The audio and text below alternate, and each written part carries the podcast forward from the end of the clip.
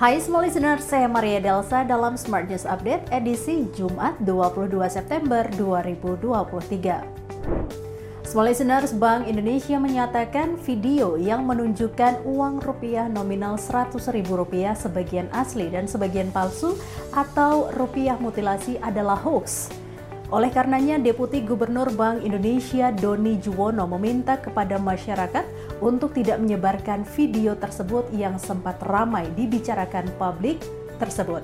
Meskipun demikian, Doni menegaskan praktik merusak dan menggabungkan rupiah asli tergolong sebagai upaya pemalsuan uang yang dapat dihukum sesuai dengan ketentuan yang berlaku.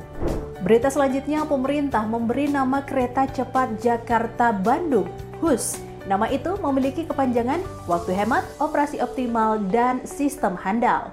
Menteri Perhubungan Budi Karya Sumadi menjelaskan nama itu sudah disetujui oleh tim pengarah jenama kereta cepat.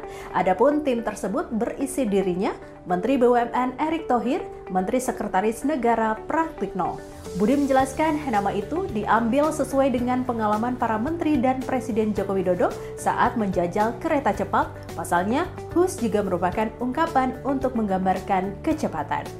Berita terakhir, Badan Pengawas Pemilu Republik Indonesia merilis Indeks Kerawanan Pemilu dengan isu strategis netralitas aparatur sipil negara. Di tingkat provinsi, netralitas ASN jadi isu paling rawan yakni di 22 provinsi. Sementara itu, di tingkat kabupaten kota, isu netralitas ASN menjadi yang paling rawan di 347 kabupaten kota. 10 provinsi dinilai menjadi kawasan paling rawan di dalam isu tersebut.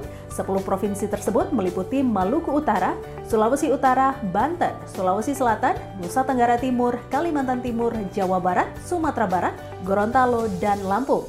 IKP ini menjadi instrumen proyeksi dan deteksi dini untuk upaya pencegahan melegat. Sekian berita hari ini, sampai berjumpa dalam Smart News Update berikutnya.